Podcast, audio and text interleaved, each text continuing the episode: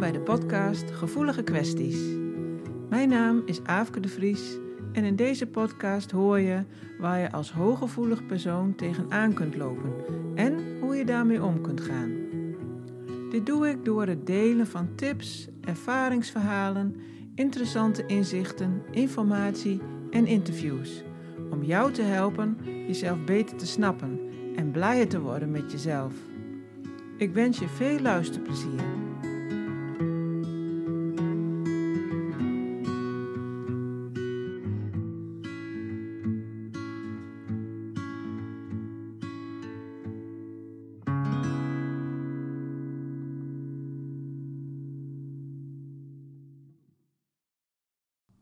Deze aflevering van de Gevoelige Kwesties podcast heb ik een interview met Martijn. Hartelijk welkom. Dank je.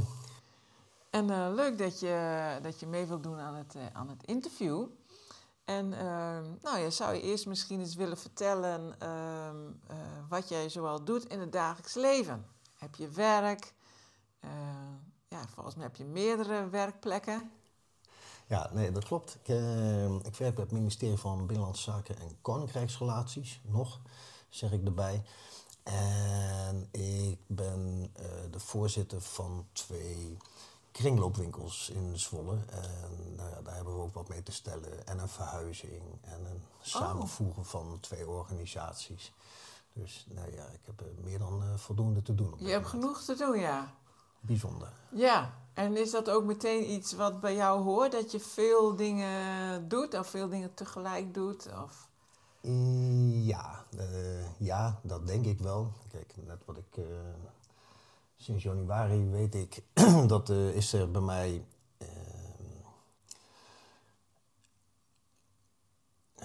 nou, dan kom ik er niet eens op. Een, een diagnose bedoel een je? Een diagnose gesteld, ja, ja van ADHD. dat idee had ik stiekem zelf al jaren 35. En ja, de, hoe moet je dat zeggen? De, ik deed altijd alles tegelijk. Alleen dan maakte je dingen niet af of dan liepen dingen in het honderd. En nu zeg maar op medicatie maak ik dingen af. Ja. En dan komen dingen ook goed tot een eind. Minder chaos. Uh, nou, misschien is de chaos even groot, maar de uitkomsten zijn beter.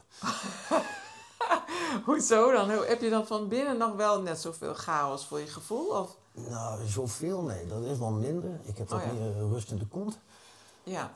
Uh, maar het over elkaar heen buitelen van allerhande dingen. Ik merk het uitstelgedrag is wel veel minder dan vroeger, maar ik merk okay. wel dat het er is.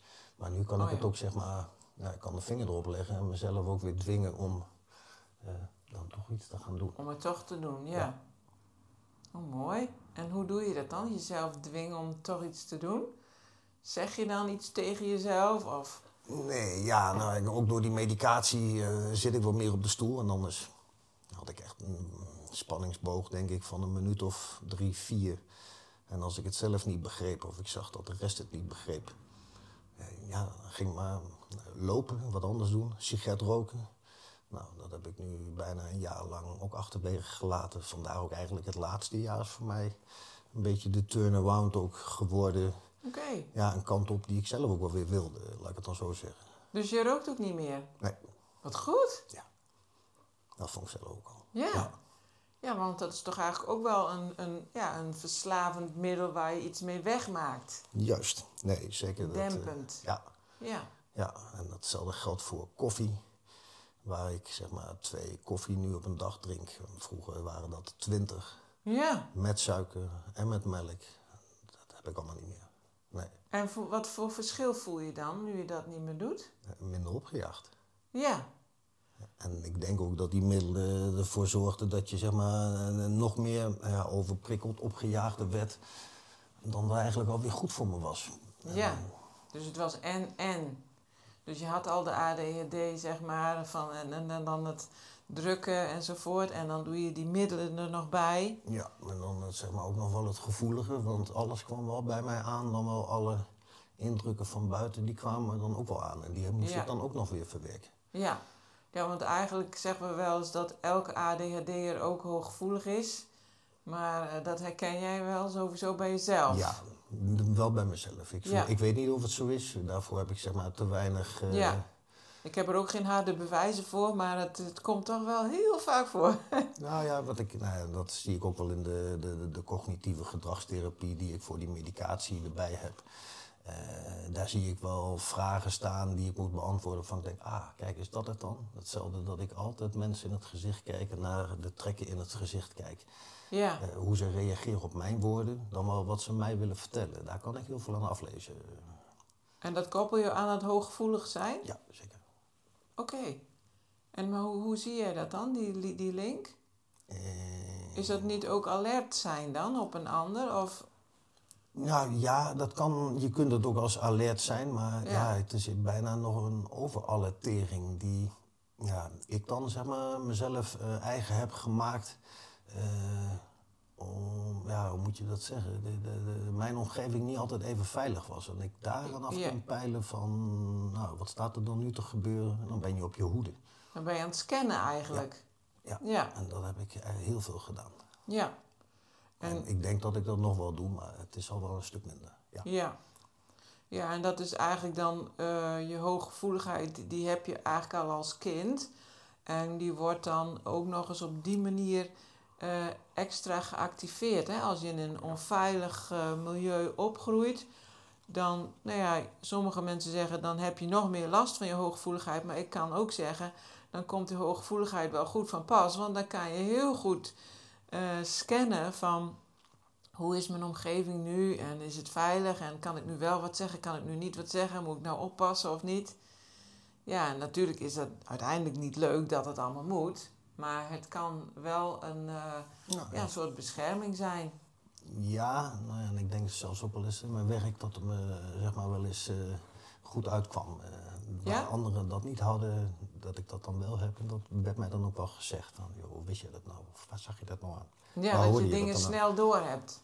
Ja, Ja, ja, dat hoor ik ook heel vaak. En je kan ook vaak snel verbanden leggen of alvast dingen vooruit eh, zien. Hoe noem je dat? Een vooruitziende blik hebben. nou, ik ben al bij de finishstreep en dan moet de rest nog beginnen. Ja. En, en dat is niet handig, want je moet de rest ook nog meekrijgen. Hè? Ja, precies. Nou ja, als je het een beetje aanvoelt, dan lukt dat vaak wel. maar ja, niet iedereen eh, is zo eh, meegaan natuurlijk. Nee. Er, er wordt ook niet altijd naar een oplossing gezocht. Nee. En, ik bedoel, ja, ik wil niet zeggen, die heb ik altijd wel. Misschien is dat wel zo, maar dat is altijd niet de wenselijke uitkomst van iets. Nee, precies. Dat, eh, dan, dan willen ze liever de situatie in stand houden of zo. hey, en ehm, heb jij nou, nu jij dat meer van jezelf weet, hè, dus die eh, ADHD-trekken en ehm, nou ja, wat je al zei, de, soms heb ik dan een drempel om ergens aan te beginnen of, ehm, of ik heb chaos. Nu je dat van jezelf weet, ehm, kijk je nu ook anders naar jezelf? Of ben je milder naar jezelf? Of ehm, was je eerder misschien strenger voor jezelf? Ja, dat eh veroordelen dus naar mezelf. Veroordelende, ja. Ja, nee, ik zelf vond ik eigenlijk eh, dat het niet goed ging, maar het ging niet goed met mij. En dat wil niet zeggen dat het goed ging, niet goed ging zeg maar, met het werk. Nee. Daar heb ik nooit de opmerking over gehad van of je bent lui, of je bent dom, of je doet niks, of je doet het verkeerde ding. Nooit. nooit Nee. Nooit. Dat zat in mij. Dat vond je van jezelf wel. Ja, maar Ja. dat is ook wel zeg maar, wat ik mee heb gekregen vanuit huis. Dat was eigenlijk nooit goed. En ik wist ook niet wat dan wel goed was. Maar wat ik ook deed, was niet goed. Nee. Ja, dat is Ja. een twijfel die je dan gaat cultiveren. Ja, dat is gewoon ingeprogrammeerd dan. Ja, en ben je nu milder voor je gevoel of niet? Mm, is dat milder? Is dat laconieker? Ja, dat denk ik wel. Ik denk Ja. ook wel eens dat het niet te laconiek moet worden. Want mm, ja dan, ja, dan herken ik het zelf ook niet meer, denk ik. Nee, Ik bedoel, een, omdat het zo eigen is al. een bepaalde manier van alertering, denk ik, ja, hoeft, hoeft niet slecht te zijn. En de een Nee. kan daar dus beter mee overweg dan de ander. Ja, En dan denk ik dat, je, hè, dat mensen die daar nou, ervaring en inzicht in hebben, daar beter mee overweg kunnen dan degene die dat niet heeft. Ja, maar als jij alert bent, eh, dat vind ik op zich ook niet zo zorgwekkend of zo. Maar wel eh, als jij, wat jou vroeger is aangeleerd, het is nooit goed, dat je dat blijft doen met jezelf ook. Ja. Dat vind ik nog weer anders dan alert zijn, want dan geef je jezelf iedere keer een... eh, Een knal. ja, Ja, nou, maar dat is ook wel het perfectionistische, zeg maar, eh, wat ik in mezelf herken. En ik dacht dat ik geen perfectionist ben. Maar daar zijn ook wel echt wel trekjes van. Ja. Trekjes, trekken zelfs, durf ik wel te stellen. ja, ja, het is nooit goed genoeg. nee. Ja. Ja, dat zit, zit ook altijd weer twee kanten aan, denk ik. Je kan er veel mee bereiken en het kan ook leuk zijn om iets heel mooi te doen en goed te doen. Maar als je jezelf dan eh, afmaakt, herken je dat ook dat je dat doet? Want als dat, dat nog zo is, dan denk ik, nou, dan mag dat wel wat milder. Ja, maar dat komt ook, zeg maar, ja, dat, je die, eh, dat ik die erkenning dan op een of andere manier miste. Of niet goed zag. Het zit een beetje daarin. Ik bedoel, ja, je wil ook wel eens bevestiging van iets hebben. Tenminste, ik weet dat, voor mezelf. Ja, Ja, en als dat dan, zeg maar, eh, er lang niet is of niet komt... Ja, dan begin ik ook weer te twijfelen. Doe ik het dan wel goed? Dat is toch ook wel weer... ja. Nou ja, twijfelen vind ik nog wel weer mild. Maar je, je, je maakt jezelf niet meer helemaal af. Nee. Nou, nee. dat vind ik dus ja, nee, dat, dat, maar dat is al de winst, denk ik, ook van het, van het laatste jaar Ja. eh, wat ik door heb gemaakt. Ja, En dat je nogmaals, nu ik ben zelf- er ook nog lang niet. eh, en misschien kom je er ook wel nooit. En misschien is er ook geen eindoplossing. Nee, nee. Dat is zeg maar, zeg maar hoe ik er nu eh, in zit. En destijds stond ik gewoon te gillen om iets. Dat je, dat ja, want ik ik denk dat als je jezelf meer snapt en beter weet hoe je in elkaar zit, dat je dan automatisch eh, iets meer rust en begrip voor jezelf krijgt. Ja, en als je dat Ja. de ander ook maar eens een keer vertelt en daar ook in meeneemt, dan hoef je, ja, dan hoef je er ook niet voor te schamen. Dat is Ja. eigenlijk het goede woord. Eh, want dat is niet fijn. Dat is, eh, dat- is ook een, dat is ook een afkeuring naar jezelf toe. Of, Ja. Nou, dat heb ik. Heb je dat wel gehad dan? Dat je, en, en vooral dat je dan iets niet, je aandacht nergens bij kon houden? Of eh, ja, ja, Maar ja, ik had dat ook gewoon eens bespreekbaar moeten maken. Dus dat durfde ik ook niet. nee. En nu, nu ik daar zeg maar doorheen ben, eh, de een die roept van, oh, ben je dan nu achter. En de ander zegt van, joh, nou prima dan toch. Ja, Dan gaan we nu op een andere wijze met elkaar om. Mooi. En dat kan dus ook. Die ruimte eh, die bestaat dus ook. Waarvan ik het altijd dacht dat je het alleen maar, zeg maar, nou ja, perfect moest doen, want anders dan doe je niet mee. ja, Dat is ook zo'n aanname die ik dan heb ontwikkeld. En dat schiet ook niet echt op, zeg maar. eh. nee. Oké, en, en heb jij dan ook een, een, eh, nou ja, een voorbeeld van, van iets wat jij tegenkomt? Dus zeg maar, je werkt bij eh, de kringloop. Of in het bestuur, zei je, hoe, zei- hoe, zei- hoe noem je dat nou? Ja, eh, ik ben de voorzitter, het bestuur van de kringloop. Ja, Maar eh, deze is zeg maar nog zo niet professioneel dat je, je bent ook tevens bijna, als je er bent, dan ben je ook de filiaalmanager. Maar dan ben je ook zeg maar de, de coach voor die mensen die er rondloopt. ja, dus je bent een manisje van alles. En ik ben een manusje van alles, dat weet ik wel. Ja, dus dat, dus dat past wel. maar heb je dan bijvoorbeeld in, in die functie, hè, merk je dan ook een voordeel of een nadeel van het hooggevoelig zijn? Eh, ja, eh, maar ook de, de doelgroep die er al werkt. eh, dat zijn veelal mensen zeg maar, met of een beperking, Ja, een lichamelijke of een geestelijke. Of gewoon minder hoog opgeleid. Want Oh, ja. daar zit dat denk ik wel een deel in. Alleen, ik ben me wel heel bewust dat ik zonder die vrijwilligers... ja, dan kan ik wel eh, een leuk voorzittertje gaan spelen... maar dan gaat het natuurlijk niet worden. nee. Dus ik moet hun ook een stukje van mijn belevingswereld... en over de dingen waar ik over nadenk, moet ik aan ze teruggeven. Ja, Maar dat kan niet altijd zeg maar, op hetzelfde niveau als waar ik met een andere directeur op dat niveau zou of wel kan sparren. Ja, dat kan ik niet met alle, niet met alle medewerkers. Dus dan moet ik dat ook nog zeg maar, weer in hapklare brokjes eh, overzichtelijk en inzichtelijk voor hun maken. Zodat Ja. ze nou, in ieder geval een keer ja knikken. Van, ja, dat dus wel. eigenlijk stem je je af Ja. op hun. Je kan je goed afstemmen en daar en flexibel eh, daarmee omgaan. Ja, dat is, maar dat is ook een rode draad, zeg maar, die ik wel herken zeg maar, door mijn leven. Als ik zie Ja. zeg maar, waar ik ben opgegroeid, eh, wat ik dan heb gedaan en gestudeerd, heb gewerkt en heb mee mogen werken. Ja, ja, Dat is ook eh, dag en nacht verschil. ja, letterlijk en figuurlijk. Ja. ja. ja. En heb jij dan dat, dat eh, ook op dat, in je andere werk bij het ministerie eh, eh, nodig, dat afstemmen? Ja, dat is wel heel handig geweest in de tijd dat ik zeg maar, op eh, de Caribische eilanden heb gewoond en gewerkt. Ja, Daar ligt zeg maar, de, de, dat is al een gevoelig dossier. Eh, de gevoeligheden van de mensen daar, ja, die kende ik eerder niet. Maar als je zeg maar, daar goed naar luistert en dus ook papiaments leert of Engels... ja. en daarna luistert op de manier waarop ze het zeggen... met de bewegingen die ze erbij maken... dan wordt het je wel duidelijk of dit een grapje is of dat het bloody serious wordt. Oh ja. Nou ja, Ja. en met bloody serious, eh, daar is bloody serious, bloody serious. Eh, Ja, ja, dat, dat valt niet mee te spotten. Nou ja, Nee. we zien dat toch zo links en rechts ook hier. Ja. Ja, dus eigenlijk ehm, is het wat je vroeger hebt geleerd vanuit een eh, angst, eh, ja, angstbasis, zeg maar, Mhm. heb je later wel weer profijt van gehad. Dat je je op allerlei manieren eh, aan kan passen. En, Ja.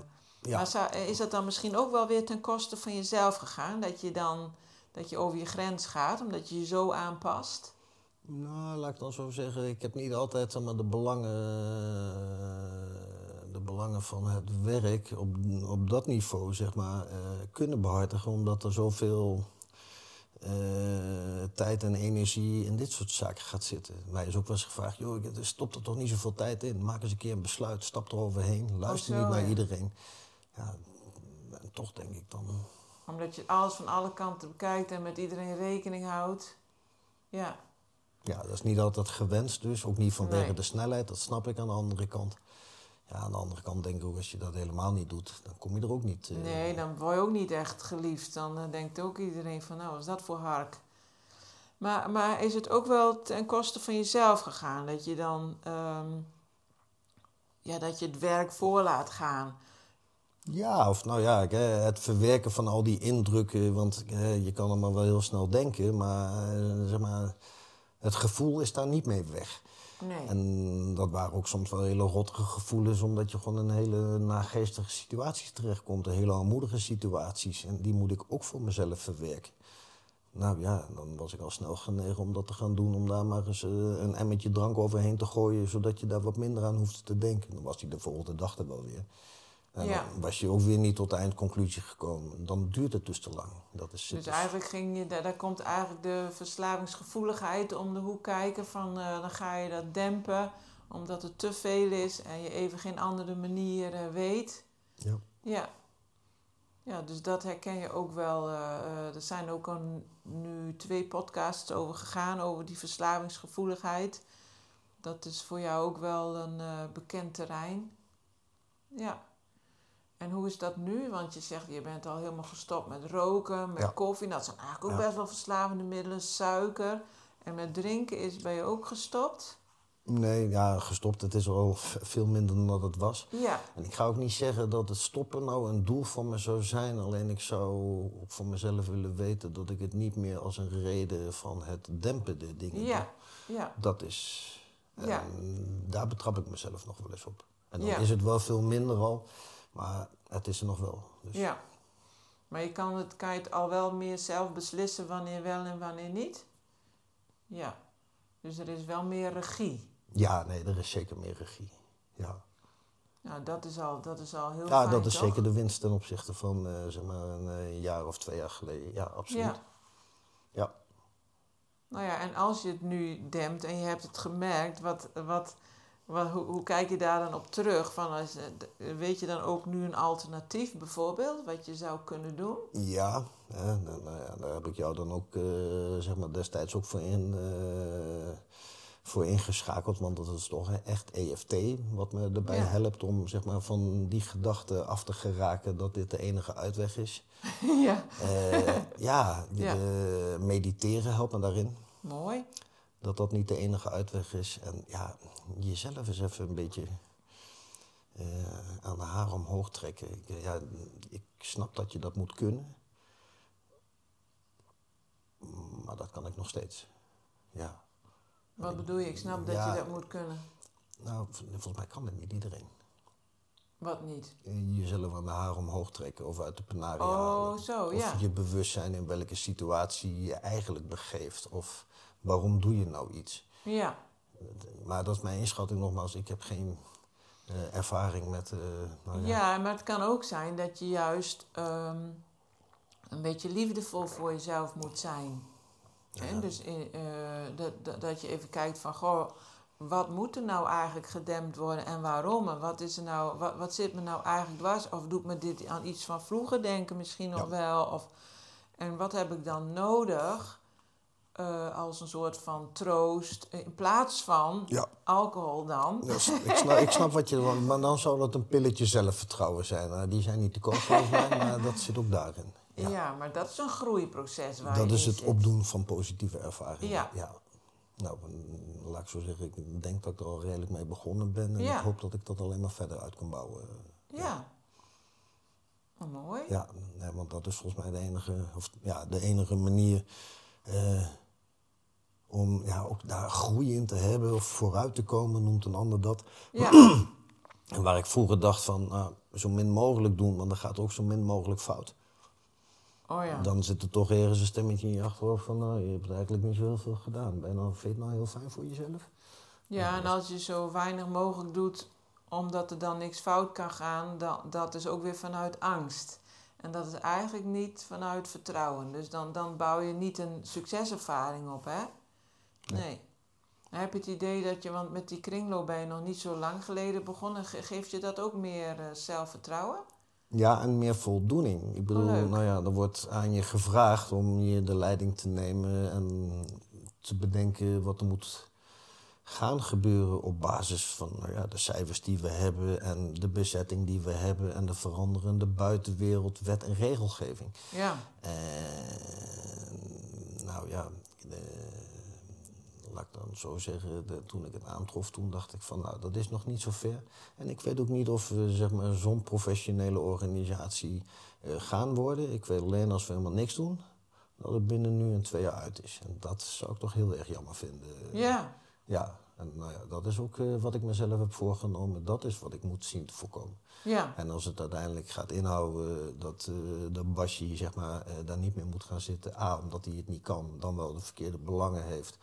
Dan wel, het gaat een richting op die ik zelf niet zou willen. Nou ja, dan springen we van de boot af hoor.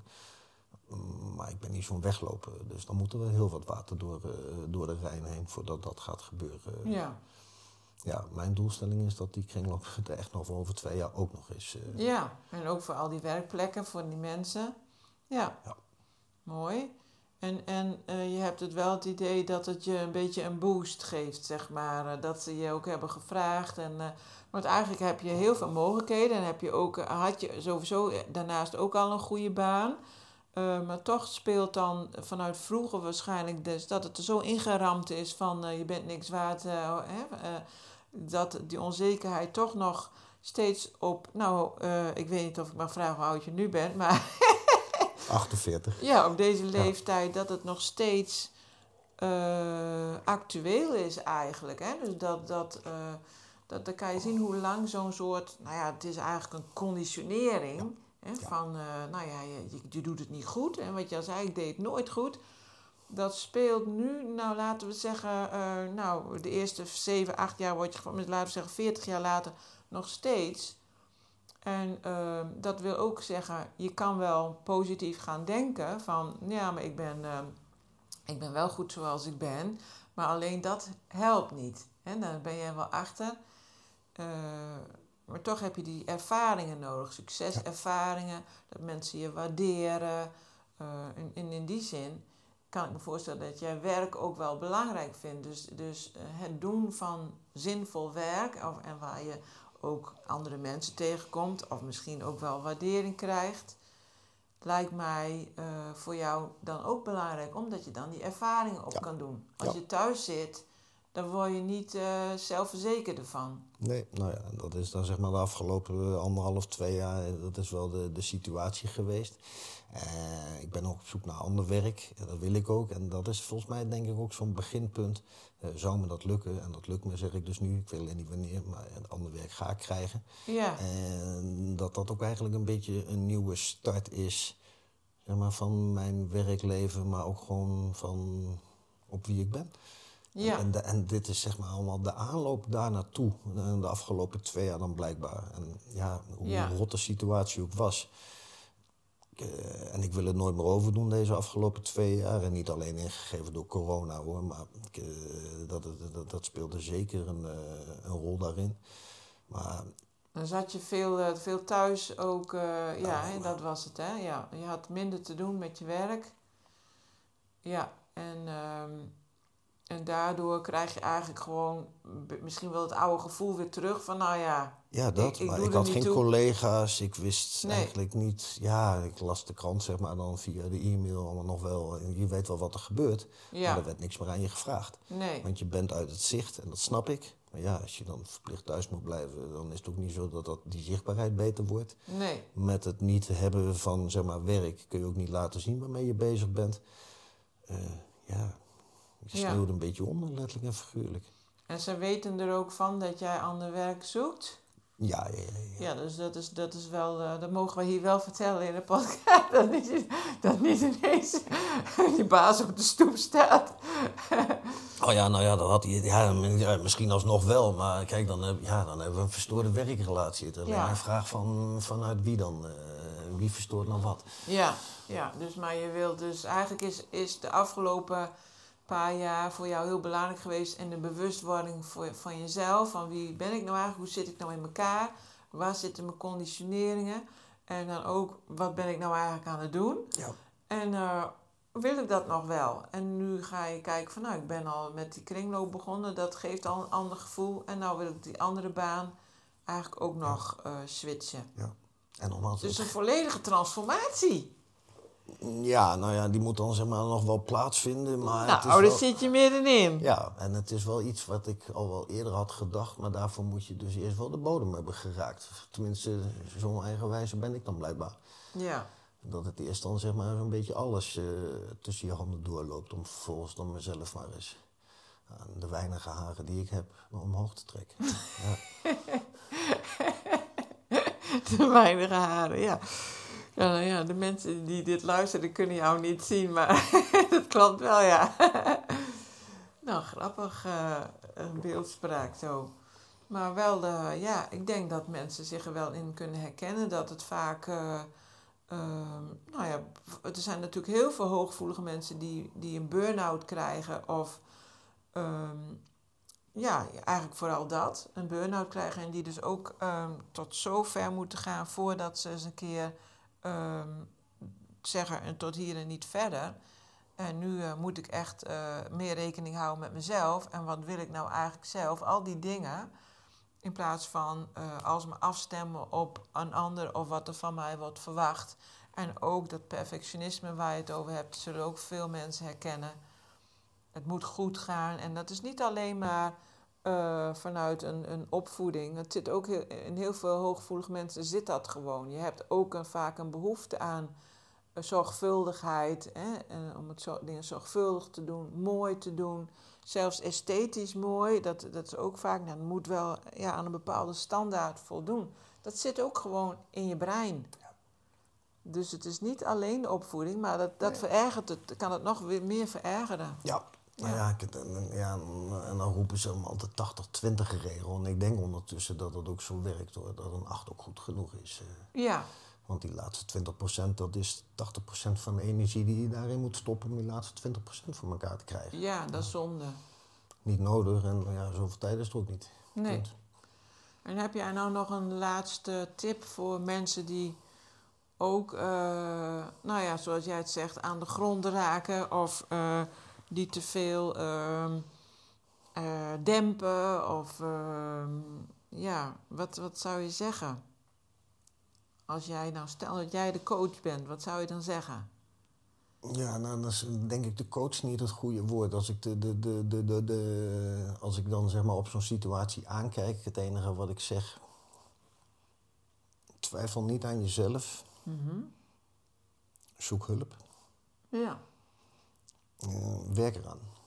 En, en dat is ook van deze podcast dan. En ik denk dat gemiddeld eh, de mensen die het luisteren, zeg maar, ouder en verderop in hun, eh, in hun leven zitten.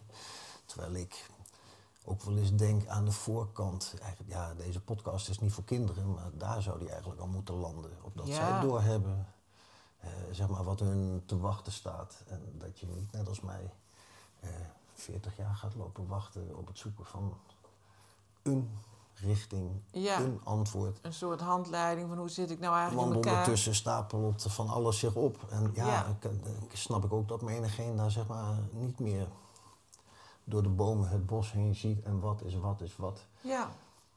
Ik krijg nog regelmatig mailtjes van mensen die iets herkennen op mijn website en dan zo blij zijn en zeggen eindelijk snap ik mezelf. En eh, dan denk ik, ja, ehm, het is zo belangrijk dat er meer aandacht komt voor hoe je in elkaar zit als hooggevoelige of als ADHD. Eigenlijk vind ik dat er wel een onderdeel van, maar ehm, en dat je ook snapt hoe je brein werkt en ehm, hoe je zenuwstelsel werkt zodat je ehm, niet meer zo zoekend bent, inderdaad. En dat je ook niet meer eh, ja, wanhopig eh, wordt of jezelf gaat veroordelen. Nee, of dat ja. je het heel zwaar maakt van nou, eh, ik- spoor niet en, eh, en eh, ik ben zielig. Dat is ook niet de bedoeling. Nou ja, nee. Nou, wat, je daar, wat ik dan daarvan heb kunnen maken. En misschien kan ook niet iedereen dat. Maar zie je de voordelen er ook maar eens van in. Want die zijn Precies. er ook. Ja, Ja. heel veel. Heel, veel- heel creatief kun je zijn en snel. En eh, nou ja, jij bent er wel een levend voorbeeld van. wat je allemaal wel niet, weer niet kan gaan doen. Ja. Nou, volgens mij hebben we heel mooie dingen besproken. En ehm, ik weet niet of jij nog iets toe te voegen hebt. Of dat je zegt van, nou, dat is wel... eh, Nee, ja, dat zou ik zo niet weten. Ik denk wel dat ik eh, kwijt heb kunnen raken wat ik denk eh, wat ik kwijt had willen raken. Ja. Mooi. Nou, dan heel erg bedankt voor het interview, Martijn. Dank je, Afke. Wil je meer weten over jouw hooggevoeligheid en hoe je ermee om kunt gaan? Kijk dan eens op mijn website, waar je als deelnemer toegang kunt krijgen tot alle trainingen, waardoor jij in balans kunt komen en blijven. Ga naar www.dathebiknoualtijd.nl voor meer informatie en om jezelf in te schrijven. Is er een onderwerp waar je graag een podcast over wilt horen? Of ben je benieuwd naar een interview met iemand? Laat het me weten.